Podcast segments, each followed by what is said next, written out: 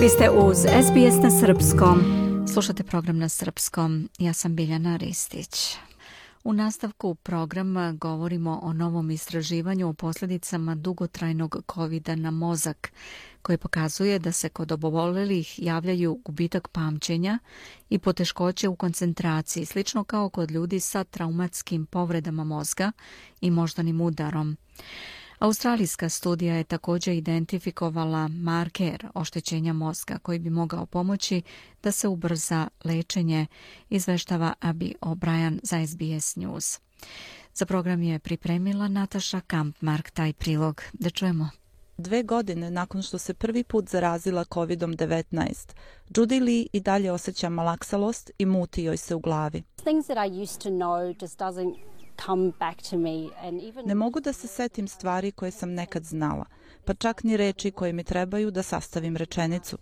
Kao kad vam je nešto na vrh jezika, ali ne možete da izgovorite. 38-godišnja menadžerka projekta pati od dugotrajnog covid zbog čega ne može više da radi, niti da se brine o deci. So my partners had to single parent for um, Zbog toga je moj partner morao da preuzme brigu o deci u posljednje dve godine. Stvarno nam je teško. Novo istraživanje o dugotrajnom covidu, sprovedeno u bolnici St. Vincent u Sidneju, pokazalo je da 20% pacijenata pati od gubitka pamćenja i zamućenosti u glavi i da ne dolazi do poboljšanja tokom 12 meseci. Profesor Bruce Bru je neurolog u bolnici St. Vincent i jedan od autora studije. It is impactful on, on patients. Uh... To veoma pogađa pacijente, a najviše su pogođeni oni čija zanimanja zahtevaju značajnu umnu aktivnost. Istraživanje je pokazalo da ljudi koji pate od dugotrajnog covid nisu nužno imali teži oblik bolesti. Zapravo, 9 od 10 njih nije bilo hospitalizovano tokom bolesti. Profesor Steven Fo također radi na klinici za dugotrajni COVID u bolnici St. Vincent i kod njega svake nedelje dolazi između 8 i 10 novih pacijenata sa ovom bolešću. Um, ono što vidimo su uglavnom mlađi ljudi, iako je rizik veći kod starijih osoba.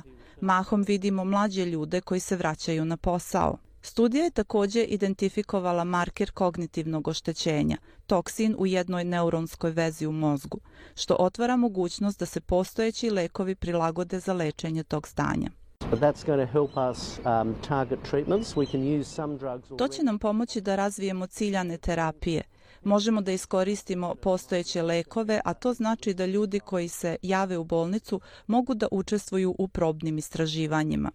To ljudima poput Judy Lee uliva novu nadu. It's just fantastic. I'm yeah, really hopeful for myself but especially for my children. To je sjajno. Uliva mi nadu i to ne samo zbog mene, već ponajviše zbog budućnosti moje dece, jer želim da budem tu za njih.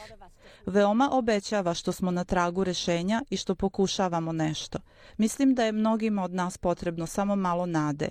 Zdravstvo Novog Južnog Velsa procenjuje da će između 10 i 20 odsto ljudi zaraženih COVID-19 razviti dugotrajni COVID.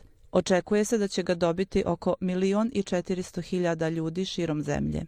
Za to vreme, u Viktoriji prema najnovijim pandemijskim propisima maske više neće biti obavezne na aerodromima od petka u ponoć, kako je najavio viktorijski ministar saobraćaja Ben Carroll.